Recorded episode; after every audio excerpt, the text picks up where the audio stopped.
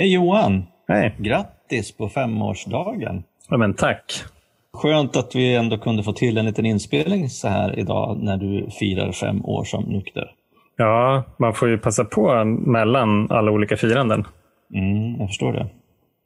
Jag fick en, eh, en chokladtårta med, med grädde och strössel och så här femårsljus på av mm. Josefina, min kära fru. Mm. Eh, och så hade hon hängt upp så här pappballonger i, i lägenheten som var där när jag kom upp i morse. Ja, men det var väl femårskalas antar jag. Vad tycker du om femårs... Vad, vad, vad, tycker du liksom om att ha kalas för eh, att fira nykterhet? Jag tycker att eh, om något så är ju nykterhet någonting att fira. Mm. Jag tänker att det firas som för lite nykterhet. Och det firas för mycket av, av andra saker. Inte för mycket, men så här, eftersom vi firar andra saker så mycket som vi gör så borde vi kanske fira nykterhet ännu mer. Till exempel våra vanliga födelsedagar, bara det att vi har överlevt ett år till. Eller, eh, ja, jag menar, jag firade ju väldigt många olika eh, situationer när jag var aktiv. ja, precis. Det, var, det var, kunde ju vara att det var, att det var helg, att det var vardag. Eh, ja, sådär. Eller att eh, fira till exempel en befordran. Mm. Eh, så det var liksom mycket så här prestations, eh, det prestationsbaserade firanden. Ja, men för dig var ju firande väldigt starkt hopkopplat med att få dricka. Mm. Och du har ju berättat tidigare på podden att du var lite ska jag säga, orolig kanske, eller vilsen i hur och varför du faktiskt skulle fira när du blev nykter. Ja, ja, det, var, det var ett stort problem. Ja, därför att eh, ja, den starka kopplingen med att få liksom, slå sig lös med att dricka och förlora kontrollen. Hur går det för dig idag? Tycker du att du, kan du fira idag? Alltså, för att vara helt ärlig så var det ganska jobbigt igår. När jag insåg att nej, men alltså, de jag vill fira med, det, det kommer inte att gå att fira. Nej. Som är liksom dig och Jenny till exempel, eller så mm. andra, andra vänner som, som uh, har varit där under de här åren. Mm. Och då kunde jag bli så jag var ganska stingslig och så här missnöjd och irriterad igår. Uh, på att jag då inte fick möjligheten att fira denna stora dag precis som jag ville. Ja. Här, på grund av rådande omständigheter kom ju på till slut på kvällen det som min eh, terapeut sa, sa åt mig eh, när, jag hade liksom, när jag kom på den här svårigheten med att fira. Eh, när jag hade slagit något rekord i försäljning på jobbet eller vad det var. Att så här, ja, men det är typiskt liksom en beroende person att vilja, att vilja få en belöning för att man har fått en gåva. mm. Och eh, Det hänger fortfarande kvar, tydligen kunde känna, jag kunde liksom lite gå in i liksom en offerroll, att jag inte fick fira, att jag inte kunde få den där belöningen för den här gåvan som jag har fått.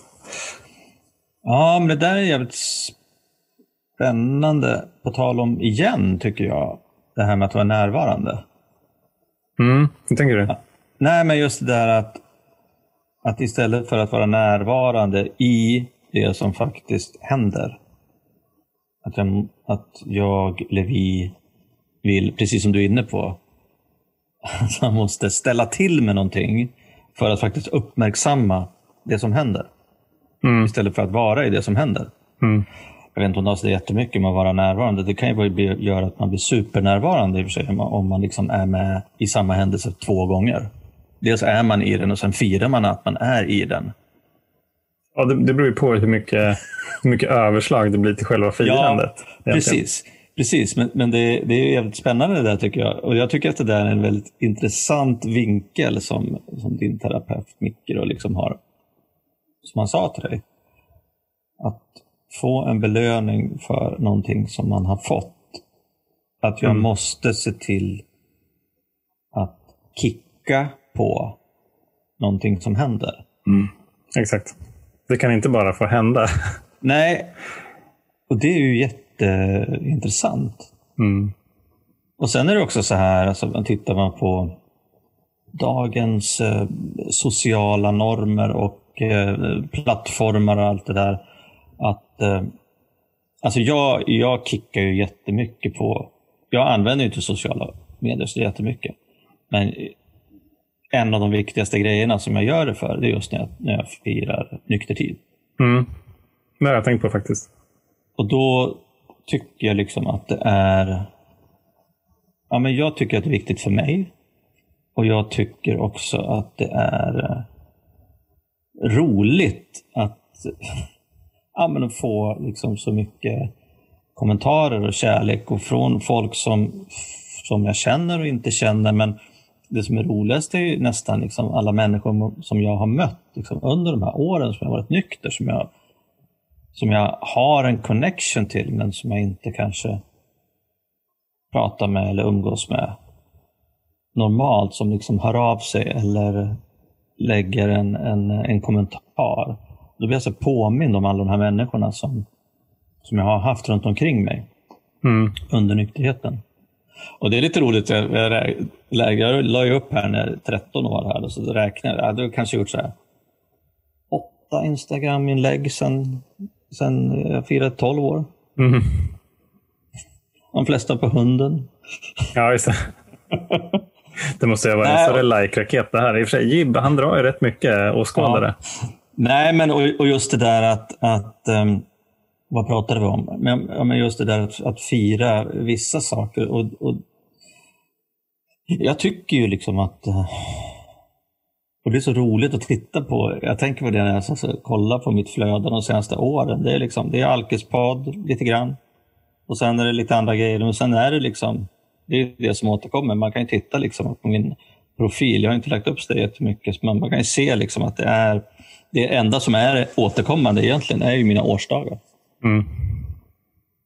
Jag, jag, kan också tycka så här, men jag, ibland liksom, men är det någonting att fira? Kan jag inte bara liksom göra det här för mig själv? Men då så känner jag liksom ändå att det gnager lite grann i bröstet. Att jag mm. vill ju gärna få bekräftelse för det här. Och det är ju absolut mycket, mycket viktigare för mig än min födelsedag, precis som du är inne på.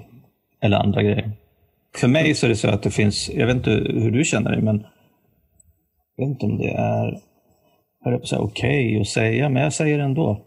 Alltså jag, känner, jag, känner, jag känner liksom en...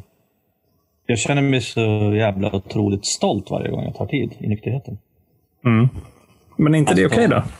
Jo, det, det är säkert okej. Okay. Men alltså på något vis liksom så här omåttligt. Men, men det är väl som du säger, det är helt okej. Okay. det, det, kan ju vara en grej som jag kan få liksom. Um, vad ska jag säga? Vältra mig i. Mm.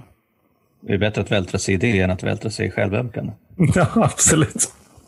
Vi har testat båda. Hur eh, känner du dig Johan? Är du stolt?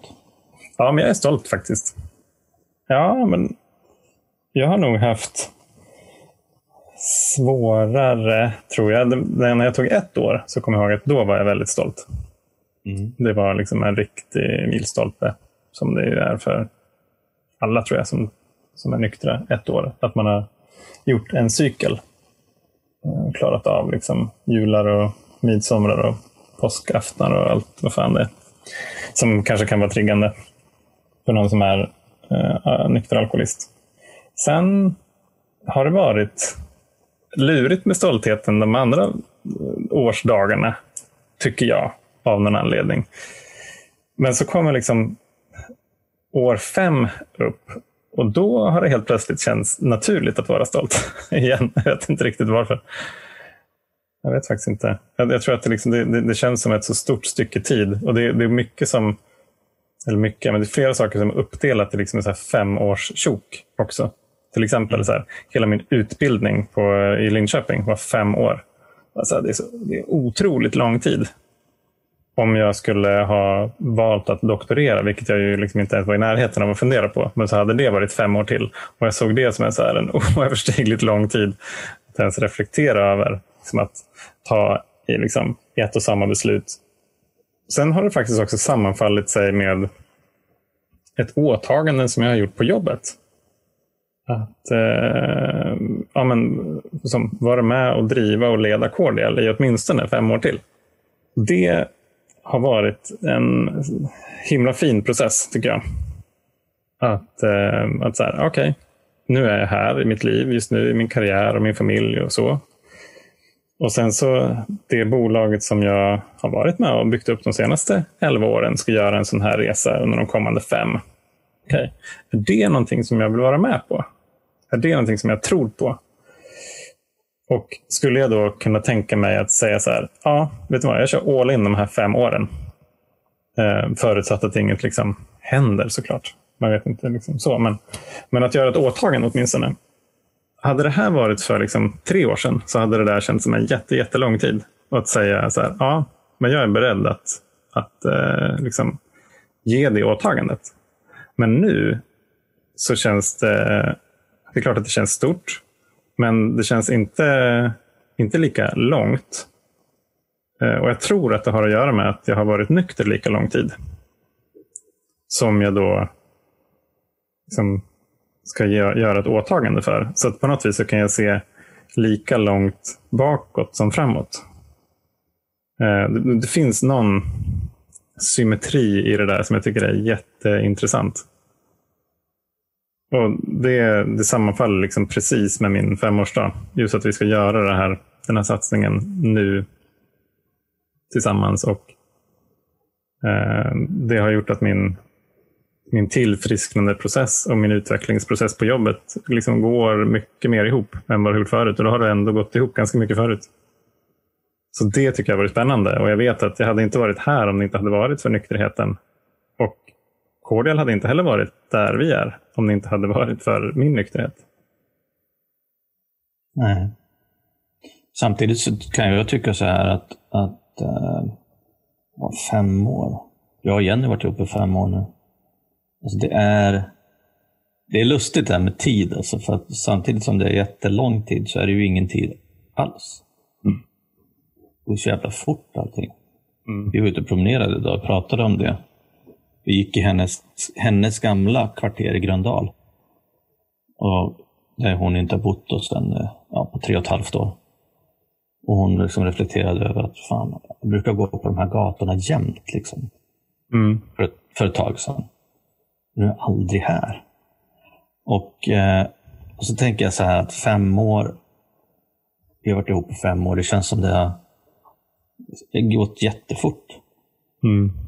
Och så tänker du fram fem år till. Liksom. Då är eh, Elmon är sex och förskoleklass. Mm.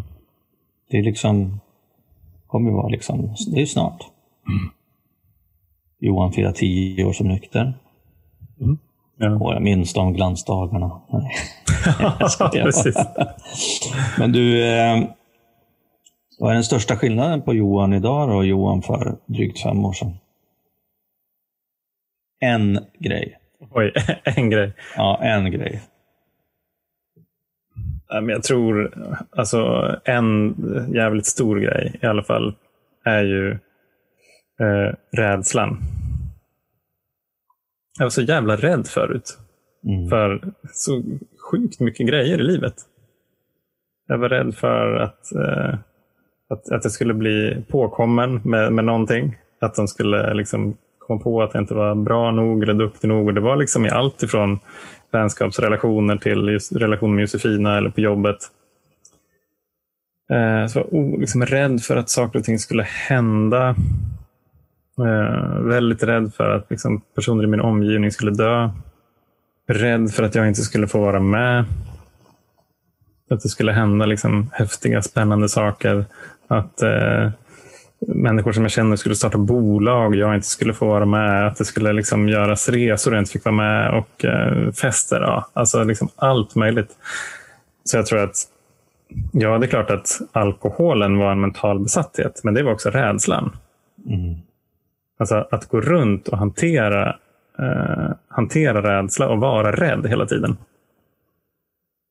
Jävlar vad det tar energi och fokus. Och liksom, energi och fokus, jag vill inte göra det, men det tar också glädje ut ur livet. Det är sjukt svårt att känna glädje samtidigt som man är rädd för allting. Så jag skulle säga att idag, det är klart att jag kan känna rädsla för saker och ting. Men jag fattar också att det där är tankar som jag själv har hittat på. Att det inte är sant i alla fall. Sen så tar det lite olika lång tid innan jag kommer på det. Ibland kan det ta dagar och veckor. Så jag tror att med det så är jag, jag skulle inte säga att jag är modigare, men jag är lugnare. Det är nog den stora, en, en stor skillnad i alla fall. Och för mig så ger det väldigt mycket sinnesro. Mm. Och det där har ju varit en process som sker både på något vis successivt och i stora hopp.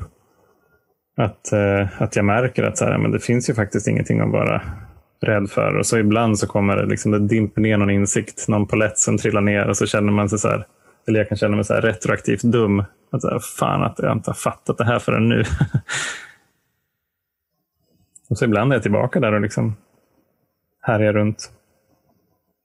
Och då är det skönt att veta i alla fall att jag har ju varit på en annan plats för inte så länge sedan. Ja, precis. I nykterheten. Det är häftigt där, om vi pratade om förra gången när vi pratade, eh, snackade, att eh, den där känslan av liksom, acceptera att jag kan ha fel. Mm.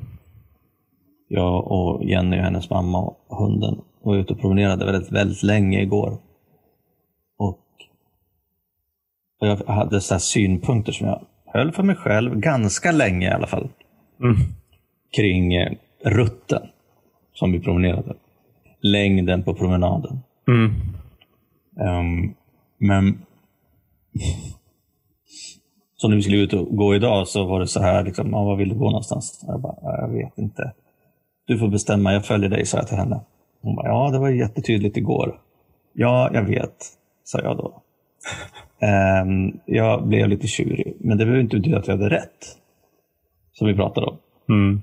Jag hade fel och, eh, och det var liksom, jag var lite grinig igår, uh, inte grinig idag. Och vi pratade om det och det blev liksom, uppfattar jag det som i alla fall. Det var liksom ingen stor grej. Nej. Och det är också en fascinerande insikt att allting, all oro, alla rädslor som jag har, all irritation som gärna blir väldigt stora i min skalle. Behöver inte vara så stora. De behöver inte sitta kvar i dagar och veckor. De behöver inte påverka människor eller mig själv otroligt mycket som jag, som jag ändå får för mig att de gör. Mm. Och att bara kunna med några få enkla ord prata om en sak så är det jag inser liksom att det, ja, i det stora hela så är det liksom ingen stor grej. Jag kan be om ursäkt, någon annan kan be om ursäkt. Eh, vi kan gå vidare liksom och bara släppa taget om sådana där grejer. Mm. Men det kräver ju, det är som jag pratat om tidigare, just dels att jag förstår det, att jag ser det och att jag släpper ut det. För att så länge jag inte släpper ut det så tillåter jag ju, alltså det, tillåter jag ju saker att växa i mitt huvud. De är stora för mig och jag tror dessutom att de är jättestora för människor runt omkring mig. Mm, ja. Och ju längre tiden går, desto större blir de, desto svårare blir det för mig att hantera det här och prata om det här med människorna runt omkring mig. Så till slut så är allting så stort att jag kanske väljer att bryta hellre en relation eller ett samarbete eller vad det fan det nu kan vara. För att jag vågar inte ta upp den här grejen som har blivit så stor i mitt huvud. Det är så jävla destruktivt. Det är en ganska, det är en ganska tydlig beskrivning av galenskap skulle man kunna säga. Ja. Det existerar ju bara i ditt huvud. Ja. Uh, jag har samma, samma spaning i mitt liv. de, här, de här grejerna som som jag kan, alltså bara för att jag har ältat någonting i flera timmar så behöver det ju inte betyda att andra också har gjort det. mm. Den här, eh, den här liksom expansionskraften finns bara hos mig. For all I know i alla fall. Jag tror inte att jag ännu har lärt mig att eh, manipulera folks hjärnor. Eh, vilket väl är för väl. Nej. Ja. Men, man kan ju alltid försöka. Man kan alltid försöka. Skam den som ger sig och så vidare. Ja. Nej, men en annan grej som jag har tänkt på också i relation till, eh, till liksom fem år är just det att det inte är självklart att man får vara nykter i fem år. Eh, liksom, flera, fler än en person i min närhet som har tagit återfall efter, efter flera års nykterhet. Och eh, Det gör liksom att det kommer tätare in på. Just eh, den där känslan att ja, det är ingenting som är säkert. Som, jag, jag vet inte hur jag... Som, bara för att jag mår så här som jag gör idag så behöver inte det betyda att jag mår bättre, likadant eller sämre för den delen liksom om ett halvår. Det finns ingenting som är säkert åt något håll. Men det gör ju att jag behöver fortsätta jobba. Jag kommer liksom aldrig komma till en punkt där, där i tillfrisknandet kommer till en platå. Att så här, ja, ja, men nu är det ändå safe. Nu kan jag slå av lite på takten. Nej, nu precis. kanske liksom ändå så här, kanske ändå kan vara någonting annat som är det viktigaste först. Nu. Men det där, det, där det, det finns ju lite olika skolor kanske man skulle kunna säga. Eller, där kan man också prata om, om alltså, rädsla eller, ja, eller utveckling, eller vad man ska säga. Mm. Jag kan ju motiveras att göra det jag ska för att jag är rädd för att hamna där jag var förut. Eh, ja. Eller, eller och, mm. så kan jag också motiveras av att göra det jag ska för att jag vill någon annanstans. Mm. Jag vill utvecklas, jag vill bli bättre, jag vill bli ja, vad det nu är. En, mm. en bättre människa. Och frågan är, tror du liksom att eller känner du att du, att du jobbar utifrån, utifrån liksom rädsla eller utveckling? Finns det en balans eller är det någonting som väger över? Jag tror att det är, det är en jätte, jättebra fråga. Och för mig så har det varit så här tror jag. Att från början så var det bara rädsla. Att det var liksom väldigt frånorienterat. Mm. Jag vill bort från det här livet som jag har nu. Jag vet inte vad som vad som finns på andra sidan där, men det kan inte vara sämre än det som är nu. Så det är liksom en...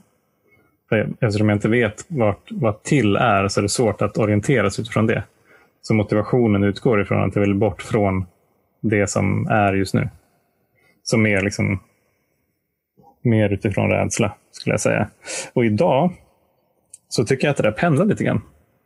Jag gjorde en reflektion idag, jag gjorde ett inlägg eh, på sociala medier och insåg att så här, jag har mycket mer liksom i vågskålen, i den andra vågskålen idag, än vad jag hade för några år sedan. Jag är liksom gift med Josefina och Elma, eh, eh, delägare på jobbet. Jag har Gustav och liksom, ja, men så har massa fina relationer. Har serviceuppdrag och så vidare. Och det är klart att liksom, de sakerna vill jag fortsätta ha i mitt liv. Jag mår jättebra av att kunna göra allt det där. Och så vill jag utvecklas liksom inom det. Och samtidigt så är jag såklart också rädd för att jag ska förlora det. Mm. Och att jag ska liksom hamna tillbaka där jag var för fem år sedan. Så jag tror att det finns en eh, det finns någon form av, jag vill, jag vill i alla fall kalla det för sund rädsla. Och en, och en enorm respekt för beroendesjukdomen. Nej, men jag, jag väljer att inte ta någonting för givet. Nej, för jag, för jag är ganska där, rädd faktiskt alltså, att, att hamna liksom tillbaka. Ja, men det där alltså det är en intressant definitionsfråga. Så är det rädsla eller är det, är det någonting annat? Mm. Alltså, det står ju till exempel i texten att man ska se upp med eh, de här känslorna. Eller se upp med oärlighet, harm, mm. rädsla och eh, själviskhet. Att man ska vara på sin vakt. Eh, och inte glömma bort Alltså vi ska, vi ska, eh, alltså det som vi har varit med om kan vara till hjälp för, för andra och, och, och massa, massa sådana saker som handlar om att vi inte ska glömma var vi kommer ifrån. Mm.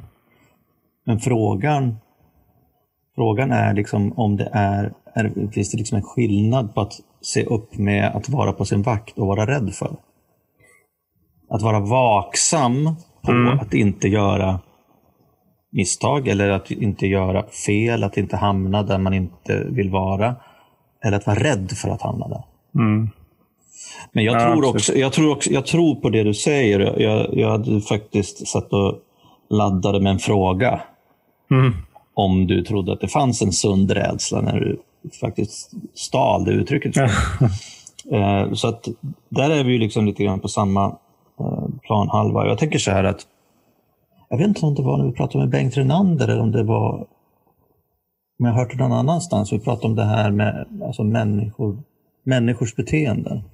som handlar om överlevnad. Att rädsla styrde liksom väldigt mycket hur vi har utvecklats. Mm.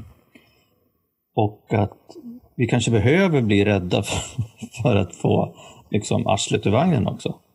Rent eh, fysiologiskt, kemiskt. Mm. Så att jag tycker det här med rädsla är intressant. Jag kan komma ihåg att jag, precis som du, jag kanske inte skulle kalla det för att jag var rädd för, men jag, jag kommer ihåg att jag oroade mig väldigt mycket för just de här grejsakerna som du nämnde. Oroade mig för vad som skulle hända, in, eller vad som, vad som inte skulle hända. Mm. Kanske mer. Om jag inte fick vara med på det här, om jag inte fick göra det. Och, och, och oroade mig och låg och ältade på, mycket på kvällarna när jag inte kunde somna. Och, så där. och nu när jag tänker efter när du pratar så, så tänker jag så här att fan, jag gör knappt det längre. Mm. Mm. Jag gör det säkert, men, men inte alls i samma omfattning. För då, på den tiden när jag drack, då var det ju ett problem. Och även i nykterheten innan jag hade, hade till exempel gjort stegen och gjort mina, mina gottgörelser, var jag orolig för Mm. vad som skulle hända. Men efter jag gjort ja, framförallt de första nio stegen då, och lever i 10, 11, 12 så är jag inte så jävla orolig längre. Mm. Men jag tror att om det händer någonting som jag blir rädd för så tror jag också att jag kanske kan idag har verktyg att hantera det på ett helt annat sätt. Till exempel prata om det med någon. Alltså det är en sak som jag kommer på. Jag hade ju mina spritfria fem år. Mm. Och nu har jag liksom varit nykter i fem år. Mm. Det är, det är intressant att jämföra de tidsperioderna också. Hur måendet var. Ja.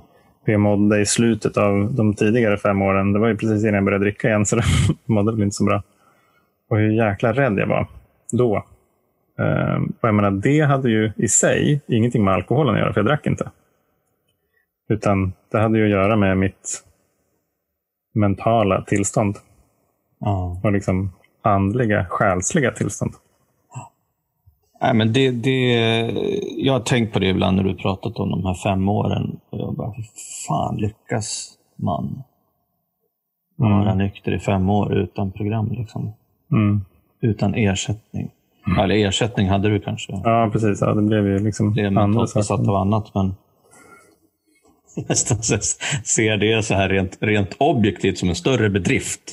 än, Ja, att ja, vara, än, än att vara nykter i ett tolvstegsprogram i fem år. Ja, ja, absolut. Alla de här bra kämpat, liksom fem år. Bara, du du skulle, ha, skulle ha känt mig när jag var 25. Då var det bra kämpat i alla fall. Åh, för fan. Ja, usch. Nej, det är jag helst inte om faktiskt. Det har jag testat. Skönt att det är över. En annan sak som slår mig nu innan vi kanske rundar av det är att vi, det här är ju faktiskt tre, våra tredje årsdagar som vi får fira i Alkispodden. Ja, det är det. Yes, box. Kul. Det är ju helt sjukt också. Mm, ja. Det har ju verkligen inte tagit lång tid. Nej, shit alltså. Det är kul. Det där pågående samtalet. Ja, precis. Så du hade ju bara varit nykter i drygt två år när vi började. Mm, precis. Två och ett halvt. Mm. Fan vad grymt. Mm. Du har alltså poddat typ nästan halva din nyktra tid. Ja, så blir det.